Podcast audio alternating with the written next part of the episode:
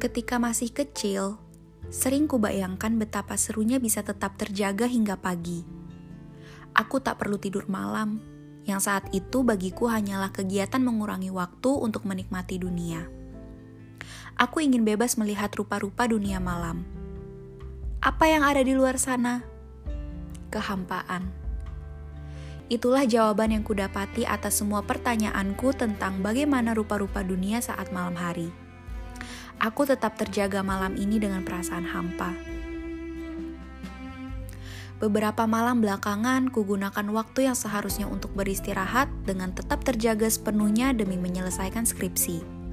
Waktu tidurku tetap ada, hanya berpindah dari malam ke siang. Untuk menjaga fokusku di depan layar, ku setel musik dengan volume tinggi melalui headset. Sesekali, Kubuka ponselku melihat pembaruan di medsos atau video di YouTube untuk membunuh jenuh. Tetapi rasa bosan tetap datang. Mataku mulai lelah menatap layar laptop ataupun ponsel. Telingaku mulai jemu mendengarkan musik. Hal-hal di sekelilingku terasa hambar. Pikiranku kehilangan gairahnya untuk mengerjakan skripsi. Aku berbaring telentang menatap langit-langit. Langit-langit yang kosong menatap langit-langit yang kosong dengan tatapan kosong. Apa langit yang sebenarnya sekarang juga kosong? Kalau ku ingat-ingat, aku menyesal dulu waktu kecil sering berusaha begadang. Tidur malam ternyata bukanlah keharusan melainkan anugerah. Betapa banyak anugerah waktu tidur yang kusia-siakan. Bukankah ini keinginanku semasa kecil untuk tetap terjaga sepanjang malam? Kenapa begadang tak semenyenangkan imajinasiku saat masih anak-anak? Mengenang kembali masa kecil membuat aku teringat dengan alasan lain kenapa aku dulu sering berusaha untuk begadang. Sewaktu masih anak-anak, aku sering mengalami mimpi buruk. Tidak hanya bermimpi, Kadangkala aku berteriak-teriak. Kadang-kadang aku menangis terisak di dalam tidurku. Di malam-malam yang lain, orang tuaku akan menemukanku tengah tidur sambil berjalan hingga ke ruang tamu. Gangguan tidur yang cukup mengerikan untuk anak-anak. Mungkin karena hal itulah, Mama melakukan suatu ritual kepadaku. Setiap malamnya, Mama akan masuk ke dalam kamarku lalu membisikkan pelan sesuatu di telinga kiriku. Mungkin doa, mungkin puisi, mungkin mantra. Kalimatnya hanya, Someday, you'll fall in love with people you can't have. Aku tak pernah bisa mendengar jelas apa yang mama bisikan ke telingaku. Jika bisikan telah selesai dirapal, mama akan mengusap lembut kepalaku lalu kemudian keluar dari kamar. Aku tidak pernah tahu apa yang sebenarnya mama lakukan itu. Yang aku tahu, mimpi buruk yang kualami berangsur menghilang. Aku selalu berpura-pura tertidur ketika mama melakukan ritualnya. Aku bisa saja bertanya secara langsung kepada mama tentang apa yang selalu dilafalkan dalam ritualnya. Namun itu berarti aku mengakui tak pernah tidur tepat waktu. Sebelum melakukan ritualnya, Mama akan memperbaiki posisi selimutku terlebih dahulu. Aku yakin Mama sebenarnya tahu kalau aku sedang berpura-pura tidur ketika itu. Selagi Mama tak pernah mengatakan secara langsung kalau dia tahu aku pura-pura tidur, kurasa lebih baik juga aku tak pernah mengakuinya. Kadang ada banyak hal yang lebih baik dipendam meski sudah tahu kebenarannya. Mama tetap saja melakukan ritualnya.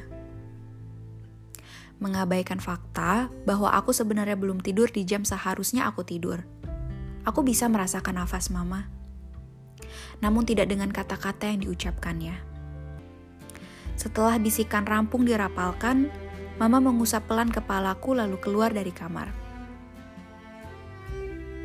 Aku langsung tertidur, bahkan sebelum kurasakan Mama telah benar-benar keluar dari kamarku. Malam-malam di masa kecilku tak pernah lagi diwarnai mimpi buruk. Aku tak pernah lagi bertanya-tanya apa yang ada di luar sana saat semua orang telah terlelap. Aku hanya menikmati masa-masa tidur malamku yang damai tanpa gangguan. Aku hanya menikmati masa-masa ketika mama melakukan ritualnya membisikkan sesuatu sebelum aku tidur.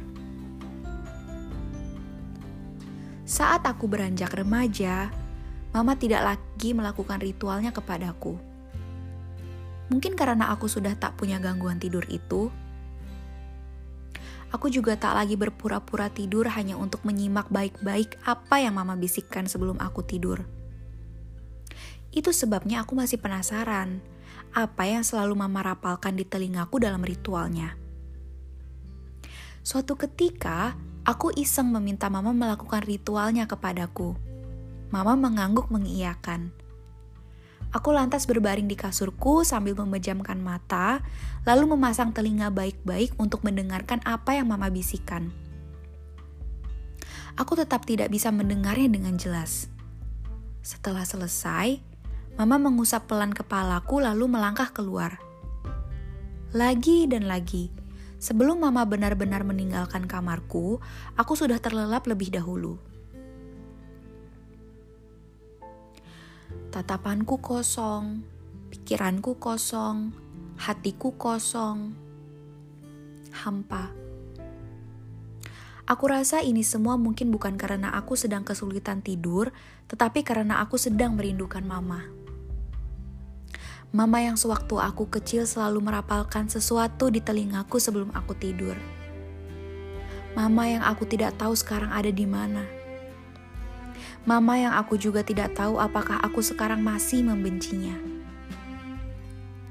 Banyak orang dewasa ingin kembali menjadi anak-anak, sebab kedewasaan membuat mereka merasakan sakitnya patah hati. Mereka ingin kembali menjadi anak-anak yang tidak merasakan jatuh cinta, sehingga tidak perlu mengalami patah hati.